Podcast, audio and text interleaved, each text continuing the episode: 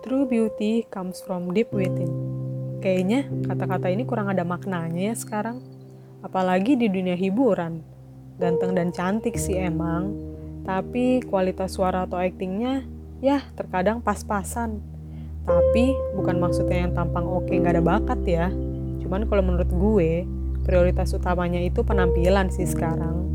Gue pernah baca artikel, katanya kalau cuma masalah suara, nanti tinggal di otak atik di studio juga beres. Kalau masalah acting, itu juga bisa diakalin.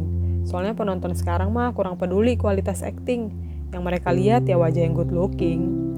Tapi, lu tahu nggak sih, walaupun dunia akan terus memperhatikan penampilan, buat Tuhan itu sama sekali nggak penting loh.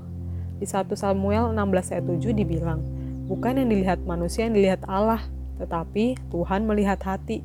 Tuhan itu cuma mentingin hati lo, hati yang bersyukur, hati yang berpusat pada Tuhan, hati yang taat, hati yang melayani, hati yang percaya sama Tuhan, hati yang mau serius menggunakan bahkan melipat gandakan talenta yang udah dia percayakan sama lo supaya lo bisa jadi berkat buat orang lain. Jadi lo masih mau terintimidasi sama prinsip dunia yang cuma mentingin penampilan. Ngapain ya kan? Jadi sekarang semangat ya, gak usah berkecil hati.